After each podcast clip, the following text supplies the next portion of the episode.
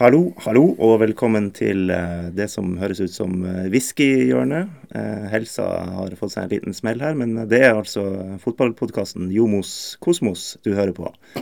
Med Anders Mo Hansen her, og Jon Jomo Martland der. Ja, hei. Og med oss i dag, jeg skal prøve på en liten presentasjon, en, en ung mann som har levd et helt fotballiv i Stakkevollan IF. Eh, brenner for TIL brenner for Chelsea, Brenn for revy og sjømat nå. Kan det stemme, Martin? Skjøy? Det hørtes ut som en eh, veldig presis beskrivelse. Takk for det, Anders. Ja, Har du, har du noe du sjøl vil si om deg sjøl? Eh, nei, du syns du dekte, dekte, det godt her, i de, de store linjene. Ja. Eh, vi har allerede via internett beskrevet hvor mye du brenner for TIL. Apropos brenn, hadde du noen uttalelser etter nedrykket for fire år siden om ja. Jeg hadde det. Jeg er overraska over at den artikkelen fortsatt eksisterer. Jeg hadde jo bedt NRK om å ta den ned, fordi at jeg mener at de, eh, kildevernet er for svakt her. De utnytta en gråtkvalt ung mann. For Det som på en måte ikke ble fortalt i historien der, er jo at um, Stakkevollan sin eksistens i ja, det var vel fjerdedivisjon, sto på spill nettopp pga. TIL sitt nedrøkk. For det var den der vanvittige dominoeffekten. Hvis TIL rykka ned, så måtte andre laget rykke ned. Og da balla det på seg, og eh, vi lå lenge an til å faktisk rykke ned pga. TIL. Ikke pga. våre egne dårlige prestasjoner, men eh, det ble unaturlig mange lag når TIL da rykka ned. Men det endte vel godt? Det, det endte godt, for det var Lakselv eller noe sånt som trakk seg i siste liten. Vi sendte jo stor bukett til dem, og gikk jo hen og, og dunka til i fjerdedivisjon året etter. Så det var jo Det måtte ende som det, så det gjorde. Det endte godt, heldigvis. Men det du smalt ut med, det var et eller annet om å hive hele Alfheim og, og brenne hele Alfheim? Og... Ja, det var vel noe sånn, som ja. jo selvfølgelig i de siste dagers hendelser er svært uheldige uttalelser. men eh, der og da var det supporteren og den lidenskapelige, irrasjonelle følelsen som bare bredde over seg. Og vi satt for første gang, jeg tror aldri har vært der siden. Eh, men det var altså på Rogers for å se kampen. Lamme halve isberget. Trist nok som det var i seg sjøl. Og det var, ja, det var eh, frustrasjon og skuffelse over et tidlag som jeg minnes var bare fryktelig dårlig. Tam og innsatsløs og alt det du ikke vil se i en kamp der det står om ja, nettopp nedrykk. Det var vel eh, kanskje litt på plass, den uttalelsen akkurat på det tidspunktet der hvor TIL gikk fra topplag og medaljekamp og hvert år og e-cupspill. Det var for så vidt e-cupspill den høsten der men det var jo eh, et voldsomt uh, fall from grace. Så ja. um, jeg husker jo det gikk fra å være Alfheim gikk fra å være en sånn marerittarena hvor du kom opp her og du visste at du, å, det ble så tøft, ja. og så plutselig så var det bare opp her og fryd og gammen og bare plukke ja. tre poeng. Så det var um... Og den, Sånn har det nesten vært siden. Altså, vi kan, uh, jeg tør påstå, et slags paradigmeskifte for klubben, rent sportslig i hvert fall. Siden uh, den fatale høstaften i 2012, så har det vel egentlig i grove trekk gått nedover for klubben. Det har nok det. Uh, vinner vel uh, hver tredje hjemmekamp eller noe sånt. Nå har det jo bedra seg. Nå har de vunnet, vunnet tre av fire, da. Men Er det for seint, er spørsmålet. Er det for seint? I år?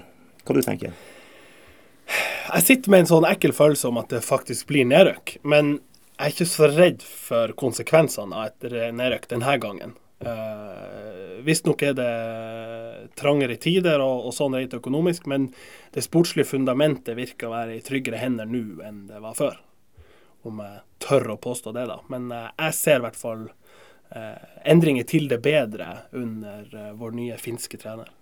Jeg tror at de berger plassen. Jeg tror faktisk òg det, hvis jeg blir spurt akkurat nå. Jeg tror at uh, med den formutviklinga mine kjære venner i Ålesund har, så uh, jeg tror ikke de tar så veldig mye mer poeng. Og jeg tror at uh, syns spesielt at TIL ja, de siste fem-seks kampene har uh, hatt en voldsom oppsving både i prestasjon og i resultat. Så uh, vi får lene oss på at du bomma grovt for fire feil. år siden. Ja da, jeg håper jeg tar feil. Uh, ingenting hadde gleda meg mer om vi, om vi redder plassen. Da var Absolutt. du skråsikker på at de ikke kom til å ja, rette opp igjen? Ja da. Jeg skyter med hofta hver gang og, og bommer som oftest. Chelsea, da. Hvordan, hvordan, blir man glad i en sånn klubb?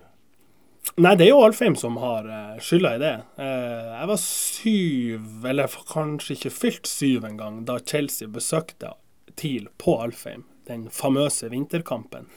Snøballkrigen. Eh, og for en ung gutt som jo knapt hadde sett Kanal Pluss og, og storlag på TV, så var det en enorm opplevelse å, å se et Premier League-lag på, eller et storlag, hvem som helst, på Alfheim. Eh, akkurat der og da så skjønte jeg ikke så mye av det. Da var det jo på en måte bare TIL som gjaldt.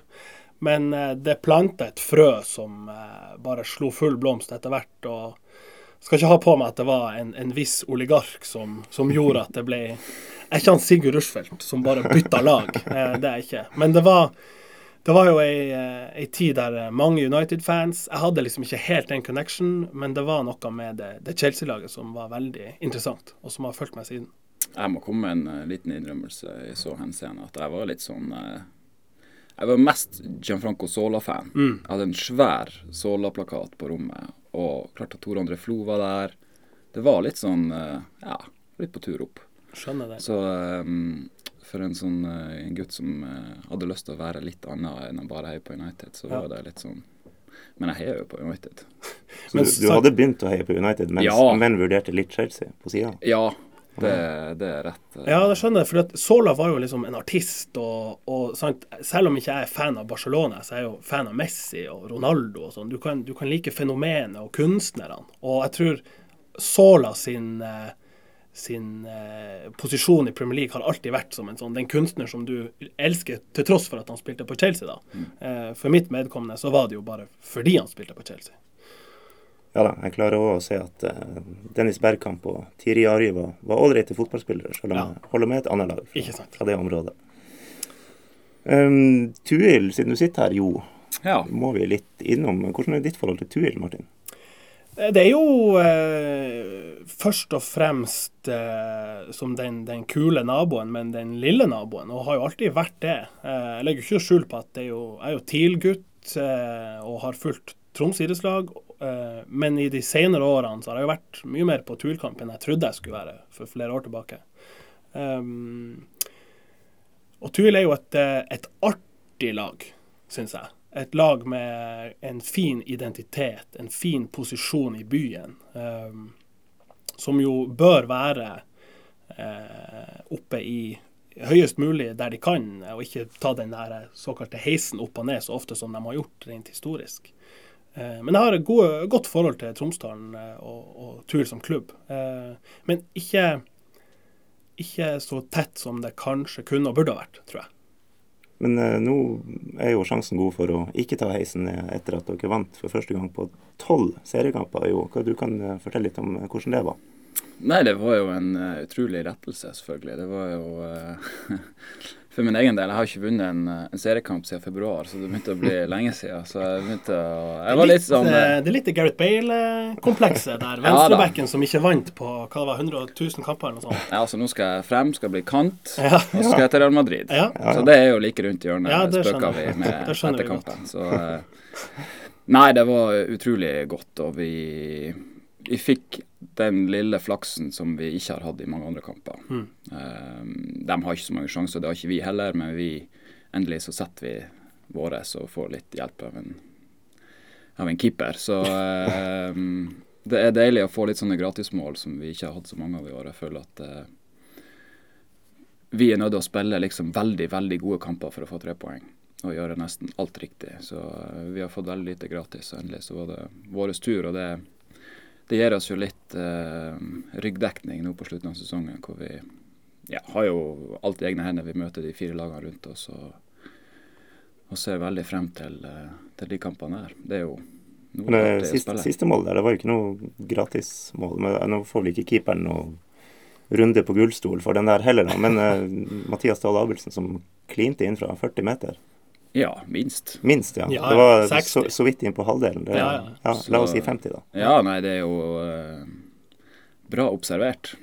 Så uh, jeg sto og vurderte det rett etterpå, for vi hadde et frispråk på midtbanen. Så så jeg keeperen sto litt langt ute. Og så snudde jeg meg etter til han uh, Lars Henrik og så sa jeg, ja, nei, skal jeg skyte nå? Og så han bare nei, nå er han på tur inn igjen. Men nei, artig. Spektakulært. Ja. Men er det like godt å vinne bortekamper på, på toppnivå som det er på, i, for oss i breddefotballen? Ja. Om ikke bedre, kanskje? Det er jo mye artigere å vinne borte enn å vinne hjemme. Ja, helt Det er en mm. fantastisk feeling. og du føler at du er alene mot verden. Nå var jo ikke akkurat hele verden som var på Levanger stadion på søndag, men eh, nei, det er veldig artig. Er det fly hjem, da?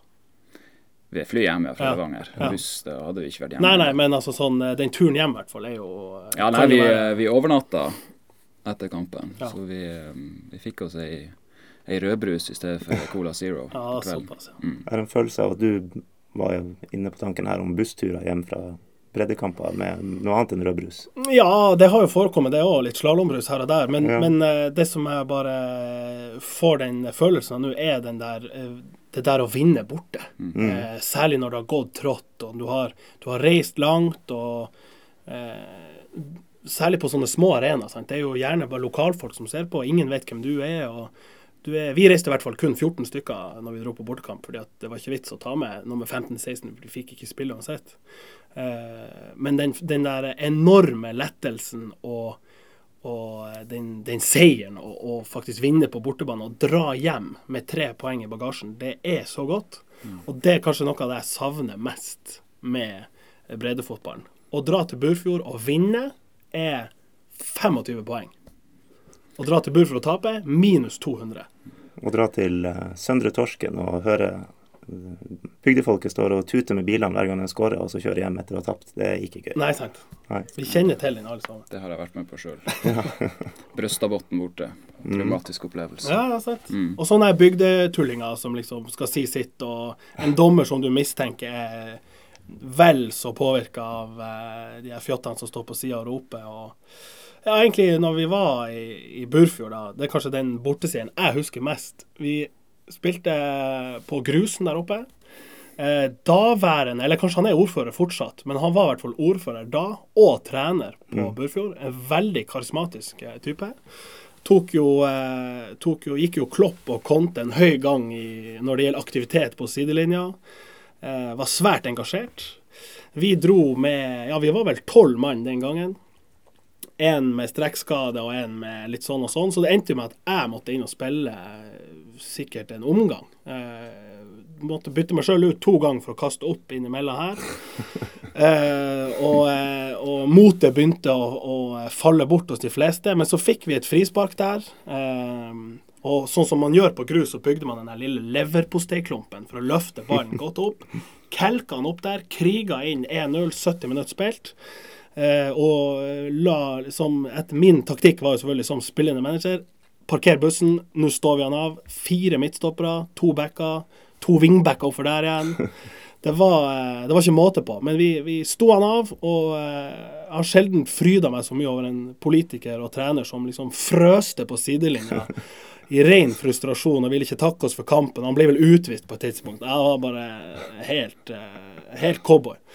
Eh, Men den turen hjem, da, de der fem, fem og en halv timene fra Burfjord, eller hva den tok, det var altså så godt. Her er dramaet fullstendig fullkomment. Tre minutter før full tid får Moss straffespark. Og keeperen redder! Bjarte Flem redder liggende på streken! Men vi skal, em, ditt, forhold til TIL har, har vi for så vidt vært innom. Em, men det er jo sånn at du har vært ganske tett på TIL. Ja. Eh, du har skrevet en masteroppgave Mm, om dualmodellen i Fotball-Norge, stemmer det? det er korrekt. Ja. Før uh, lytterne sovner, så skal vi prøve å gjøre det litt sprekkere enn det Ja. kanskje høres ut som. Men Ja. eh, kan du kort oppsummere hva, hva det arbeidet gikk ut på? Ja, altså det var jo et, et eh, ledelses- og organisasjonsstudie. Snork, snork. Eh, men, eh, men jeg hadde alltid en idé om at jeg må skrive om noe som er interessant for meg. Ikke bare faglig, men òg setter i en, en sammenheng som er, gjør at jeg kan jobbe litt med det og føle glede av å jobbe med det. Eh, så jeg hadde lyst til å se på eh, hvordan er det Tromsø idrettslag eh, bruker dualmodellen for å organisere seg som klubb. Kort inn på hva er dualmodell? Ja, Det er jo som gjør at eh, en klubb kan få inn eh, aksjekapital gjennom å stifte et aksjeselskap som er, eh, drifter klubben sammen med breddeklubben. Så i vårt tilfelle så er det jo da såkalt Troms idrettslag og TIL Holding, eh, der da Per Aronsen er styreleder. Så kort fortalt så er det en, ett styre for det som er breddedelen av Troms idrettslag, og så er det ett styre for proffsatsinga, topp, toppidretten. Eh, og det er jo der alle pengene sitter. Og eh, eh, teorien er jo at det skal være et likt styre mellom de her to. Men jeg hadde en hypotese om at det der pengene sitter, en måte de som får lov å ta alle avgjørelsene, og de farger dessverre eh, da over på breddesatsinga. Um, så jeg gjorde et, et dybdestudie der, intervjua nåværende personer med nåværende tilhørighet til klubben, spillere og trenere og styremedlemmer som har vært i klubben, og prøvde å tegne et bilde av hvordan, hvordan er ståa. Har, har man løst det på en god måte i henhold til de teoriene som ligger på området. Eh, og konklusjonen var vel noe sånn som at eh, eh, på enkelte områder ja, men eh, mye av praksisen er nok eh, en del til side for hva man eh, burde ha hatt for å oppnå legitimitet og den riktige balansegangen mellom topp og bredde. På hvilken måte da? Nei, altså, De informantene som jeg snakka med, og den, den, følelsen jeg fikk, var jo at det er jo slettes ingen eh, balansegang og, og, dualitet, eh, derav navnet, i måten å drive klubben på. Og jeg forstår det sånn sett. Hadde jeg sittet med pengene, så hadde jo jeg ønska at de skulle kanskje ha blitt forvalta i toppfotballen. Men det er nok mye grums i klubben pga. at den virker så topptung. Eh, både sånn bokstavelig at det er toppledelsen som bestemmer, og, og at det er toppfotballen som, som baner vei og, og, ikke tar hensyn til, til breddefotballen og den, den, breddeklubben som TIL også skal og bør være. Det er vanskelig det der å skulle være flaggskipet i nord eh, på elitenivå og samtidig Nord-Norges største breddeklubb. Ja, og så er det vel litt sånn at uh, det er jo status å sitte i det største styret. sant? Og det er jo uh, kanskje folk som sitter der fordi at det er kult å sitte i styret i TIL. Mm. Nødvendigvis for at de har så veldig mye kunnskap. Og det ser man jo rundt omkring i, i alle de store klubbene i Norge at det, det drives ikke på den beste mulige måten. Og det er mye pga. dem som sitter i ledelsen. Og um, kanskje dem som sitter der, ikke har nok kunnskap om hvordan en fotballklubb skal drives, men har veldig mye kunnskap om hvordan en vanlig bedrift skal, mm. skal drives. Og mm. det er jo to vidt forskjellige ting. fordi at uh, det er så uh, her og nå i fotball. og man lever, altså Sluttproduktet er det som har noe å si til syvende og sist. Absolutt. Eh, nå var det jo sånn at Vi avdekket jo en såkalt sånn, eh, jeg vet ikke hva man skal kalle det rent faglig, men det var et sånn mellomledd her, et sånn sportslig utvalg som eh, ut ifra det jeg kunne se der og da, hadde en veldig viktig funksjon med å knytte det du snakker om eh, jo med næringslivsrepresentanter inn mot det sportslige og det faglige her. Mm. Men det viser seg jo kanskje at det er jo ikke nok. Eh, du, det er bare så mye han Mika Koppinen, som satt i det utvalget da, eh, kan si for at beslutningstagerne med penger skal forstå kompleksiteten, viktigheten bak det. Mm. Um, og eh, jeg var innom på Twitter i går kveld, og da var det vel noen som spurte om um, hvorfor det er inn å kritisere klubben. Jeg lurer på om det var en Vegard Emaus som skrev det. og jeg tror det har mye med det å gjøre. At, uh, at klubben er frakobla en del av de eh, gruppen eh, mennesker som den ikke skal være frakobla. og at man har distansert seg fra fra breddefotballen. Og, og, det har vært mye støy. Han her var det han Ronny het, som han het, Slettmo, som forlot på dagen etter å ha sittet kort tid i denne barnestillinga. Um, og det har vært for mye Altså, klubben har mista litt identiteten, syns jeg. Um, med hvem de skal være for, og hvordan man skal være for. og Bare måten man opptrer overfor alle sine medlemmer. Eh, kvinnelaget blant annet, har jo, det ble jo vedtatt i et styremøte at eh, det skal satses på et kvinnelag. Jeg har ikke sett snurten av det. Mm. Eh, så der er, der er, mange ting som er utfordrende med, med TIL, og, og, det kan være lett å dra fram noen av de tingene eh, parallelt med hvordan det går sportslig for A-laget. Det tror jeg. Jeg tror at eh, hvis de hadde gjort det kjempegodt, så hadde det vært vanskeligere å kritisere klubben som sådan og i sin helhet. Men eh, jeg tror det er veldig mye på under overflata som er som murrer for folk. Og, og det gjør at eh, det er vanskelig å støtte opp mot laget i den grad uh, man ønsker det. Jeg tror at undersøkelser nå er vel påstått at det er mange som bryr seg om TIL. Og det gjør jo alle vi i rommet her. Men om det gjør seg gjeldende til at man drar på kamp, som jo er det siste målet på engasjement, eh, det er jo ikke sånn. For det hadde jo bare vært, det hadde vært flere enn 3000 på kamp da. Mm. Hvis det er sånn at det er så sykt mange som bryr seg om TIL. ja, da bryr de seg kanskje ikke nok eller på riktig måte. For alle skjønner at eh, er det fullt på kamp, ja, så blir det bedre stemning for de som er der. Det blir lettere arbeidsforhold for spillerne. Det blir mer penger i kassa for klubben. Den, den sirkelen der er jo helt åpenbar for alle, tror jeg. Eh, men jeg tror at per i dag så er opplevelsen å gå på tilkamp det er ikke nok verdi for verken pengene eller for den tida du investerer. Og det er et, eh, et, stort problem for en klubb. Men hva kan de gjøre da for å, altså det, for å bedre forholdet til folk i Tromsø, og ikke minst folk i sin egen klubb, som gjør at, at man er i klubben og går ut av klubben med en god følelse og får lyst til å, å gå på Alfheim og se ja. kamper etter det? Skal vi bare ringe ledelsen og ha den på liksom, høyttaler nå mens vi har det? Altså, Jeg tror at det ligger veldig mye i ydmykhet overfor sine egne. Du må nesten begynne eh, med deg sjøl og, og, dine før det nytter å kommunisere utad. Og jeg syns TIL eh, hadde en veldig fin kampanje her nå før sesongen med 'Vi er TIL før'. eh, og sånn. Men, men eh, i hvor stor grad den er trykka til sitt bryst internt i klubben, det er vanskelig å spekulere i. Ehm, jeg tror at man er på rett vei sportslig. Spiller fotball som engasjerer i lengderetning. Og et innsatsnivå som, som vises på banen. Eh, jeg elsker god takling. Jeg tror folk på Alfheim, etter å ha sett både Kara og diverse spillere, eh, vet å verdsette innsats og, og finesse og sånn foran veldig mye annet. Eh, men det er et tegn på at man bryr seg. Engasjement fra spillerne. Det må ligge i bunnen. Mm.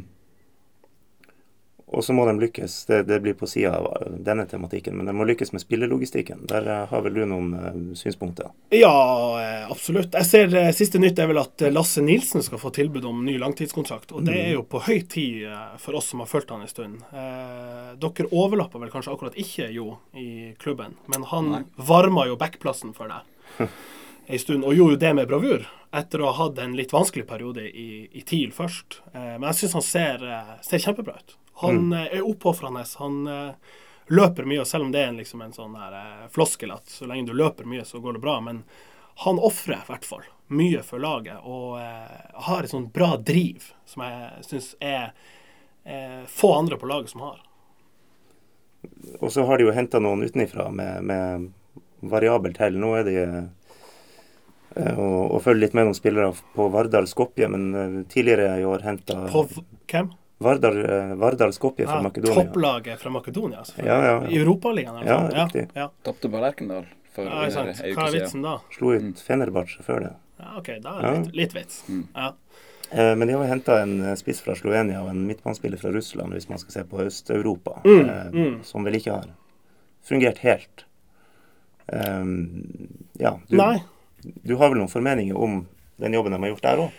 Altså, all, eh, all honnør til de folkene som jobber under det jeg vil si vanskelige arbeidsforhold. Ikke bare eh, fordi at de er få folk, men eh, sånn som man jo sikkert eh, er enig med meg i at scouting i norsk fotball, det er jo nesten et ikke-tema. Ikke sant? Mm.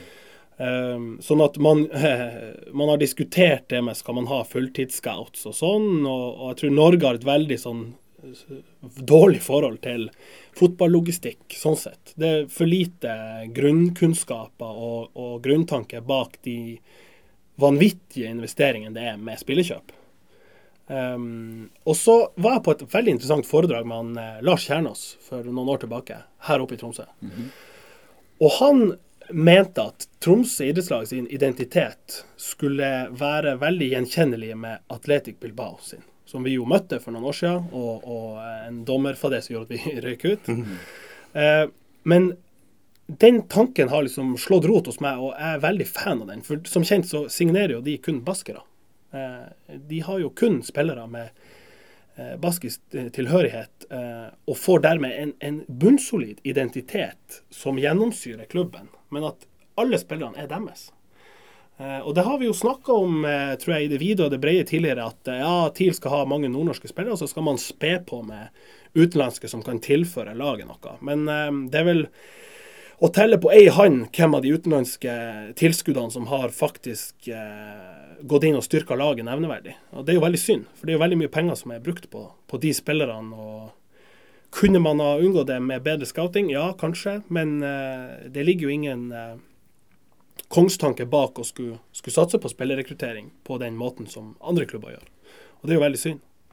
Ja, det, altså det gir jo en sånn, Hvis man tar Atletic eh, som et sånt eksempel, det er, jo, det er jo landskamp hver helg. Absolutt. Mm. Og hvis man klarer å få til noe sånt, det har jeg faktisk eh, gått og tenkt på en stund. at Jeg tror det, det første laget i Norge som hadde tort å gå ut og sagt det, jeg tror jeg hadde fått en voldsom eh, sånn boost i, Ja. inn mot eh, ja, lokale områder og, og oppslutning og sånne Mm. ting. Og det er jo det er jo mye lokale folk på TIL nå, og du har den 96-generasjonen som kommer opp. og Kanskje man skal uh, klare å bruke det litt mer, fordi at eh, det er mye spennende som skjer. Og hvis man ja, klarer å spe på med litt eh, krydder utenfra, så tror jeg det kan bli veldig bra. Men sant, hvis, hvis man skal ha en breddeavdeling som TIL har, som, som er både bredde og toppbredde, altså sånn elitesatsing, så må jo det være med det mål om at laget skal i prinsippet være selvforsynt med talenter og med gode spillere. Eh, det er jo selvfølgelig utopi å tenke at det skal bare skje på noen år, men på sikt så er det jo eneste grunn til å ha den toppsatsinga på ungdomsnivå, må jo være for å utvikle spillere som skal inn på A-laget. Og eh, nå har jo Odd Grenland i mange år hevda at de er liksom kun lokale spillere. Det er kanskje mer han eh, Fagermo som, som skyter litt hardt eh, med hagla si. Og de har jo mange tilskudd fra eh, overalt i verden. Eh, men jeg er helt enig. Tenk, tenk den eh, samlende faktoren det kunne vært. Altså et type Nord-Norge United. Eh, da tror jeg man kunne tatt tilbake Fort Alfheim, og det hadde bygd en sånn eh, det hadde vært en sånn identitetsbærer og en sånn kulturbærer som gjør at man virkelig kan snakke om TIL som en institusjon. Eh, som Det var vel Nordlys sin leder som tok opp at TIL er viktig for landsdelen og klubben og byen på samme måte som Makkøl og alt sånn. Eh, jeg er uenig i, dag, for det er ikke sånn. TIL har spilt seg ut på sidelinja der. De er ikke så viktige som de tror de er. Eh, men det kunne vært en, en vei inn. En av mange. Så er spørsmålet om det er mange gode nok spillere til det, eller om man da må spe på med de her der man må treffe og kanskje ikke har truffet så godt. Ja, kanskje, men jeg lurer på om det er mye Altså, du kan jevne ut de det du mister med en, en artist fra Slovenia eller en eh, bulldoser fra Sverige, hvis du har den der samla enheten. Altså Det kollektive skal jo i prinsippet være sterkere enn individet. Eh, og vi vet at vi har artister i, i lokalområdet også.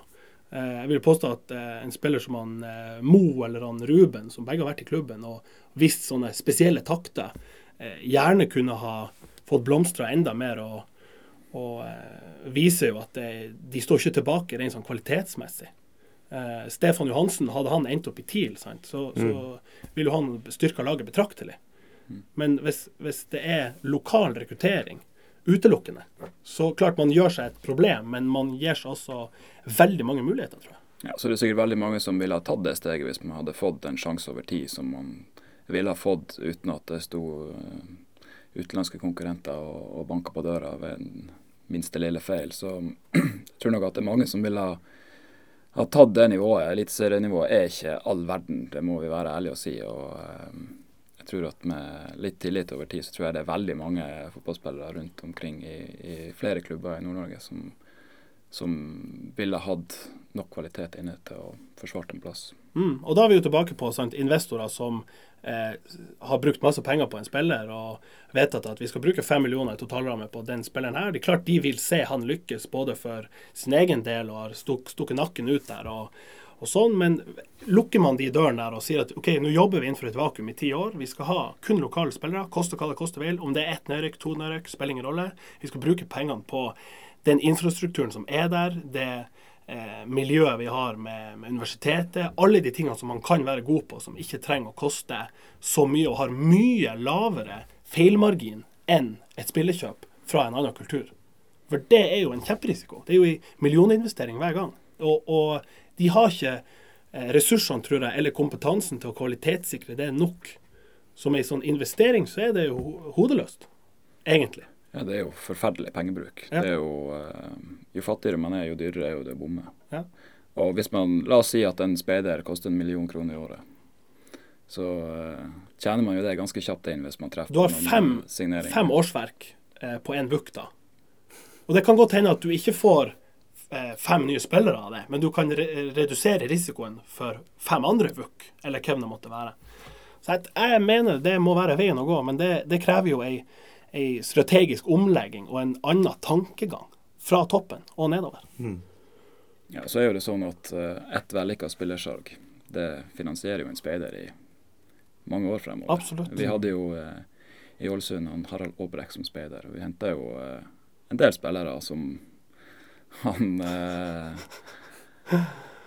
Han tjente inn veldig fort. Ja. så vi kjøpte jo en spiss for en million euro, og han var jo jævlig god. Ja. Og så gikk det en sesong, banka inn en haug med mål. Så var han solgt for uh, nesten fem ganger prisen Ja. under et år etterpå. Og det er klart at uh, det er jo suksesshistorie. Og da kan du jo snakke om at når du har speidere som kan sikre kjøpene, da kan du begynne å investere krydder og, og si at eh, vi ønsker å ha den spilleren her, og så selger vi han om to år. For det skal være strategien. Men grunnmuren mener jeg bør og skal være et nordnorsk kraftlag med gutter som vet hva, hva det betyr når man sier 'jævla søring'. Altså sånn, Det skal være en skjerm foran oss. Det kan hete i Game of Thrones 'The Wall'. Altså sånn. Det skal være oss. Vi skal være Nights Watch eller noe. Jeg har nettopp begynt å se. så Jeg er litt tar ikke dårlig- referansen. Litt dårlig på referansene. Ikke jeg heller. Men det var, jo litt, eh, det var jo litt sånn det var på 90-tallet. Ja, sant. På 80-tallet så var det liksom eh, Kom søringene opp hit, og så sto han Arne Vidar og han Steinar klar til å spenne dem opp på Langnes og inn på flyet. Ja, det er jo helt perfekt. Og da var, jo det, sånn- da var jo det fullt trøkk på Store Stå, og det var jo helt annen stemning Ja, eh, den gangen da.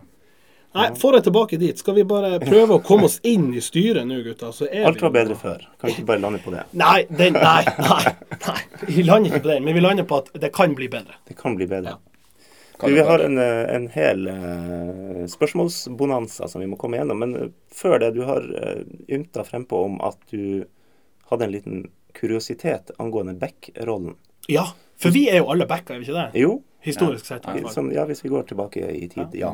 Jo, har du kun spilt venstreback, eller har du figurert andre plasser på banen? Jeg har jo, fikk jo øde, ødelagt i hermetegn fotballkarrieren fordi jeg ble back. Ja. Alle mine kvaliteter hører jo egentlig ikke hjemme på backplass. Hvor burde du ha spilt? Mm, å, jeg, jeg, jeg, mye lenger frem. Ok. Av liksom offensive kvaliteter? Ja, for det var jo der jeg spilte da jeg var yngre. Jeg skårte jo noe Ja, var du sånn eh, Ryan Giggs, venstre kant? Det kunne jeg være. Jeg Ja. kunne spille på midten. Jeg spilte mye spiss. Ja. Skårte veldig mye mål. Ja. Eh, og så var det jo eh, en tilfeldighet at eh, idrettslinja var på eh, langtur. Vi skulle spille juniorcupkamp. Jeg var 14 år. Ja, eh, han gjorde venstrefot. Jeg hadde spilt venstreback. Og det gikk jo bra. Og da var jo det kjørt. ja. For det var ikke sikkert så mange andre å velge mellom. Nei, det var ikke det. Så Anders, det hva var, hva var din inngang til back-faget? Ja, den er ikke ulik. Det var, eh, det var det å være litt sånn andrevalg på kant, kanskje. Eh, essensen var vel Det var kanskje der det var lettest å få plassen på laget. Ja. Fordi at det som jeg slo meg når jeg måtte tenke tilbake på min egen karriere Jeg begynte jo selvfølgelig som midtstopper, var jo 1,90 da jeg var fire år. Eh, Så det var lett å plassere meg og han andre store i forsvar. Jeg Løste jo den rollen bra. Um, og har liksom alltid vært i de bakre rekker. Spilt litt midtbane, vært litt kant, vært litt spiss. Men mye forsvar. Og så var det i PTO i 2005 der vår trener eh, kom til meg og sa han, du Martin, jeg vil at du skal spille venstreback. Og jeg hadde jo en venstrefot lagd av papp, kunne jo ikke slå en meter med den, men jeg hadde til gjengjeld en bra høyrefot. Det må jeg bare si den dag i dag. Men det gjorde at i PTO 2005 så tok jeg på en måte eierskap til den inverterte backrollen som Pep Guardiola har introdusert eh, mange år senere. Så hver gang jeg fikk ball på venstreback, så var det å pole diagonalen over, flytte opp og inn i banen for å støtte opp mot liksom, banespillet på midten. Eh, og det har jeg tenkt på mange ganger. Det var, jeg skjønte ikke kompleksiteten i det da jeg som 15-åring sto på, liksom på, på gresset i, i Sverige og, og kelka langballer, uh, som jeg var god til. Uh, Men jeg har skjønt at det var en eh, innovasjon. Så den skal han ha, han Ingebrigt Sylte. Det, den skal du få for. Så her er det kapittel i bøkene om Guardiola som bør omskrives. Ja, egentlig. Eh, god bok, absolutt, hvis Å, ikke ja. noen har lest den. Første året i Bayern. Fabelaktig fotballitteratur. har lest opp til flere Ja. om han, så det, Ja. der er mye lærdom å hente. Absolutt.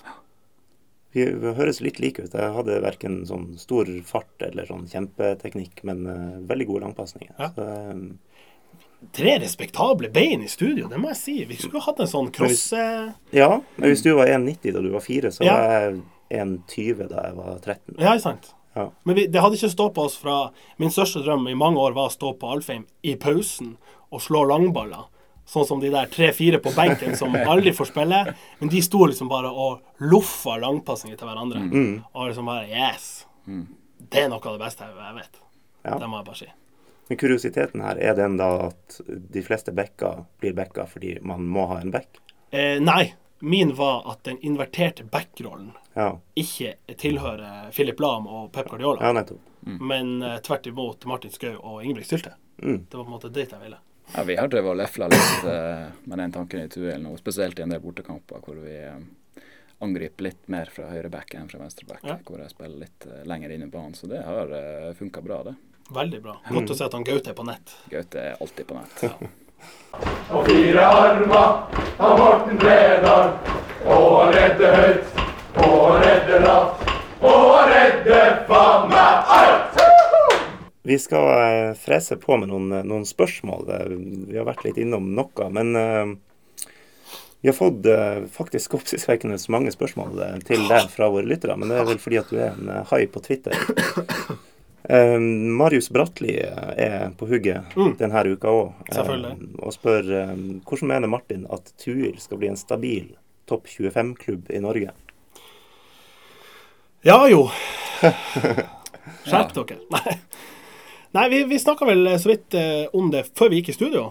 Eh, Du kan jo detaljene bedre enn meg, jo. Men hva var det han Espen ville selge oss inn på? Nei, det er jo som alltid i Tromsdalen eh, trangt om pengene. Ja. Eh, og nå er det enda mer prekært enn det har vært eh, tidligere år. Så eh, det mangler x antall 100 000, om ikke over en million. Så eh, i kveld så skal vi eh, rundt omkring i Tromsdalen og gå dør til dør. Eh, og eh, rett og slett eh, fri til Tromsdalens befolkning om å støtte opp om Tuel. Kronerulling. God, gammel kronerulling. Ja, Ja. enkelt og greit fortalt. Ja. Og det er vel mye av svaret på spørsmålet. Eh, få på plass gode nok rammer. Jeg forstår det sånn at det ikke er mange fulltidsutøvere i Tromsdalen. Nei, det er Og jeg tror eh, at det er jo selvfølgelig forutsetning for å hevde seg i toppfotballen og kunne drive med faget sitt så godt som på fulltid. For eh, å være 24-timers utøver er vel vanskelig når åtte av de timene tilbringes på en skole eller på et universitet eller i et annet yrke. Ja, det er klart at det er en helt annen tilværelse enn eh, enn dem vi konkurrerer mot. Og eh, det er egentlig en helt vill prestasjon at UL er i Obos-ligaen i utgangspunktet. Når Ja. du ser de budsjettene som vi konkurrerer mot. og Ja, har dere lavest budsjett i ligaen? Ja, desidert. Iallfall på, på lønn. Så Ja. der er jo en del andre klubber som skryter og sier at nei, men vi er så små og sånt. Men dere betaler jo 30 000 i måneden i lønninger. Ah, oh, i, Jesus. i Tuil så ligger vi på ja, en tredjedel av det. Mm. Så eh, det er til og med lavere Vel lønninger. tolv, er det ikke det? Er- Ja, det er til og med lavere lønninger nå enn sist når jeg var i Tuil. Jesus. Så um, Ja. ting går ikke nødvendigvis rett vei, men vi er um, utrolig flinke på det som er gratis. Vi trener som et eliteserielag. Eh, Mm. Vi har spillere som er interessert i, i det de holder på med, og um, ja, rett og slett uh, Det er jo litt sånn her en eh, oss mot resten-følelse, og det Ja. skal man jo ikke undervurdere. Nei, Så, og det er det jeg sier. Tuel har en klubb med en god identitet, føler jeg. Eh, både på banen og utenfor banen. Eh, oppleves som en veldig familiær klubb. Eh, åpen, vennlig, eh, offensiv. Eh, jeg syns Gaute har stått for mye vakker fotball gjennom tiden. Jeg har mange ganger når vi eh, har bytta trener i TIL, lansert han som en kandidat, fordi at jeg mener han er god på det veldig få andre i Norge er gode på. Altså en offensiv spilleplan, etablert angrepsspill, syns jeg han er veldig dyktig på. og har en god, Jeg syns han har en god eh, strategi og, og holdning til, til fotballspillet. Eh, og da supplert med gode, kloke spillere. Eh, mange av dem nordnorsk. Eh, Alle, bortsett fra en polsk keeper. ja, sant. Eh, som jo sikkert kunne hevda seg enda lenger opp, som vi var inne på, med riktige forutsetninger. Så det er jo å få en, en, en bærekraftig struktur rundt laget, og det er veldig bra med arenaløftet. Men klart det koster å, å drive klubb, og det koster å, eh, sånn som Fortvil sin del, være både topp og bredde. Som de gjør eh, til glans. Men eh, Men det korte svaret her blir litt mer penger. få spenn Få er jo spenn. det korte svaret. Hvis du skal Spons være- oss Ja, og eh, være med på noe artig. Fordi at eh, Klart Hvis vi klarer å komme opp fra 200 til 500 på hver hjemmekamp, som jo bør være det var jo en stund der det var bare 500 pluss. Ja, Det minnes jeg. Mm. ja, og det bor jo veldig mye folk i Tromsdalen. Og Ja. sikkert veldig mye folk som har et, eh, et veldig godt og nært forhold til Tuel. Så um, der er noe som vi uh, bør komme oss uh, opp på. Et uforløst potensial i Tromsdalen. Løs det! Kom igjen! Um, vi hopper over brua igjen. Uh, vi var vel innom dette fra Vegard Remaus Nikolaisen om å, å, å, um, hvorfor og når ble det mote å rakke ned på TIL blant folk i byen. Ja. Jeg føler vi har besvart det. Vi har kanskje besvart det. Vi kan, vi kan egentlig gå litt videre eh, i samme spor fra Jonas Sørensen. Ja. Eh, Sak. ja. Eh, hva skal til for at det skal bli kult å gå med TIL-skjerf i Tromsø igjen? Igjen. Ja, det var jo Vi må kanskje Ja da, jo da. 20-30 år tilbake i tid, da. men, før eh, min tid. Ja. Nei, jeg tror det korte svaret der er Hadde det vært et rent nordnorsk lag som jeg hadde følt at var jeg kunne stå bak med alt de gjorde, alt de foretok seg på utenfor banen, så kunne jeg båret TIL-sjefet med stolthet også i Storgata, ikke bare på Alfheim på kamp. Eh, Men har det her Det her har jeg diskutert med mange mange ganger. Men eh, altså det er jo den tribunekulturen. Kommer du til England og ser en kamp, så går jo alle i drakt på kamp. full kit wankers, Ja, som heter. Ikke full kit wankers. Nei, men kit wankers. Ja. Ja. Men uh, mens eh, det er et fåtall som gjør det i Tromsø, om det har litt med sånn her uh, Altså, vi liker jo å være litt urbane i Tromsø. Liker vi det litt for godt? Ja, altså, vi litt- sitter jo i Canada Goose på kamp fordi det er jævlig kaldt, og fordi vi ikke vil gå i drakt. Ja. Men eh, jeg er nødt til å Jeg syns vi var så bra inne på det i stad. Hadde klubben vært noe man kan identifisere seg med 24-7, så kunne jeg godt ha betalt 200 kroner, ikke 700 for en tildrakt. Det er det ikke verdt overhodet.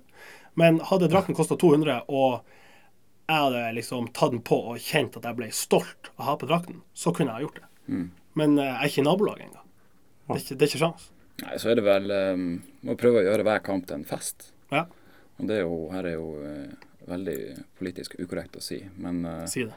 hva med noen barer rundt omkring på Alfheim? Fordi at det er jo overalt i Europa hvor det er mye folk på kamp, så er jo det ja 50% for å se på kamp og 45% for å drikke øl. Ja.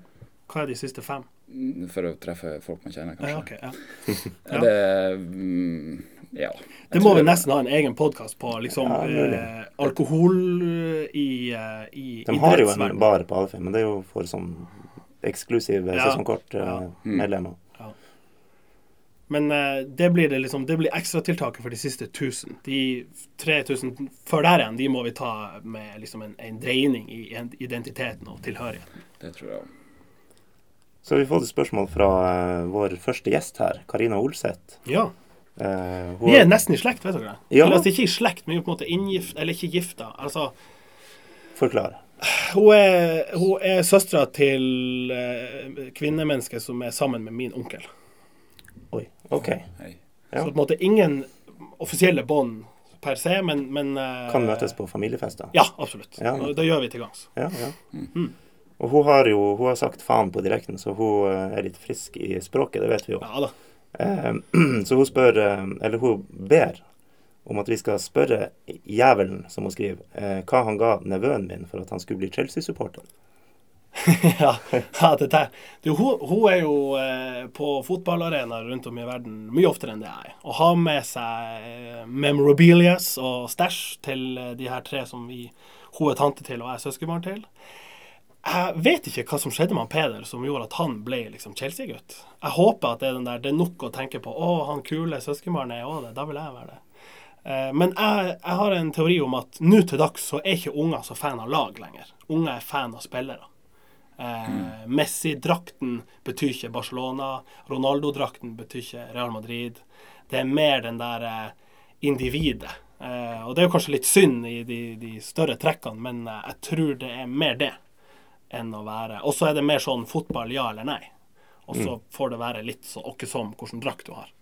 Uh, jeg hadde mange forskjellige drakter da jeg var yngre. uh, sånn at jeg tror det er bare fenomenet i seg sjøl.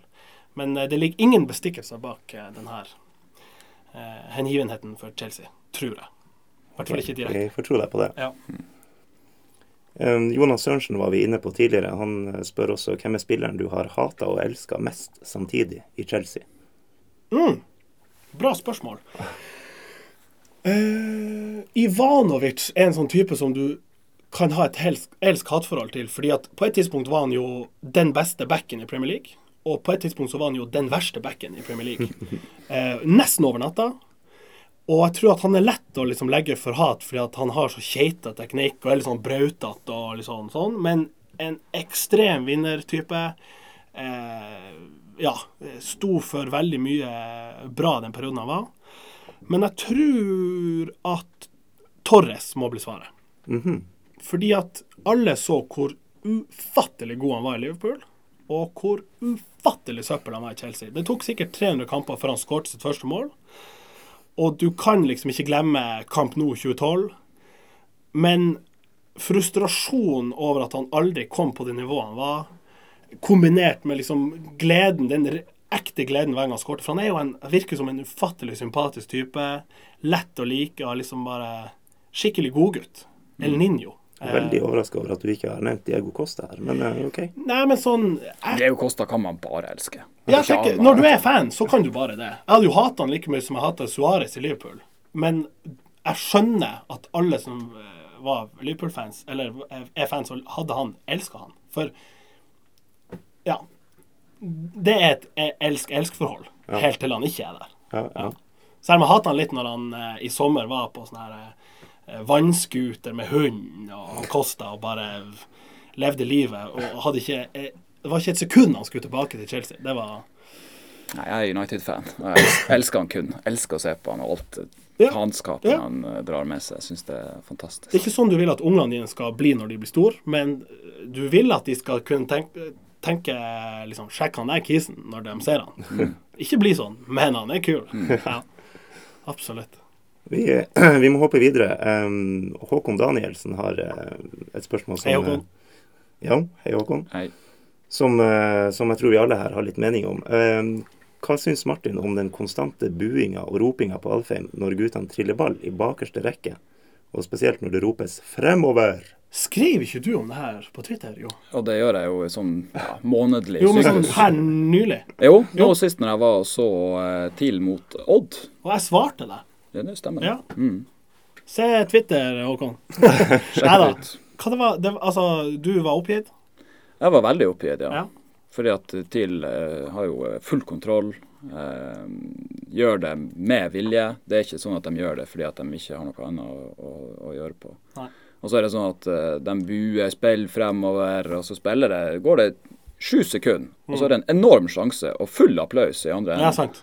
Så det er litt sånn eh, Det er greit at du kanskje ikke forstår hvorfor det, det skjer, men hvis du er så jævlig dum at du tror at det å bue og pipe og sånn på ditt eget lag, hvordan i all verden skal det hjelpe? Nei, Helt enig. skjerp dere.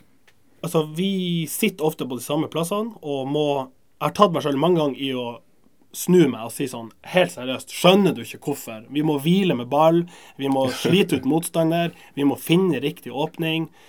Alle de prinsippene der eh, Jeg tror det er det som skiller liksom fotballfolk fra bare fans. Og de må selvfølgelig få lov til å mene det de vil, men de trenger ikke å gi uttrykk for det på den måten. For det er bare eh, ødeleggende for laget, tror jeg.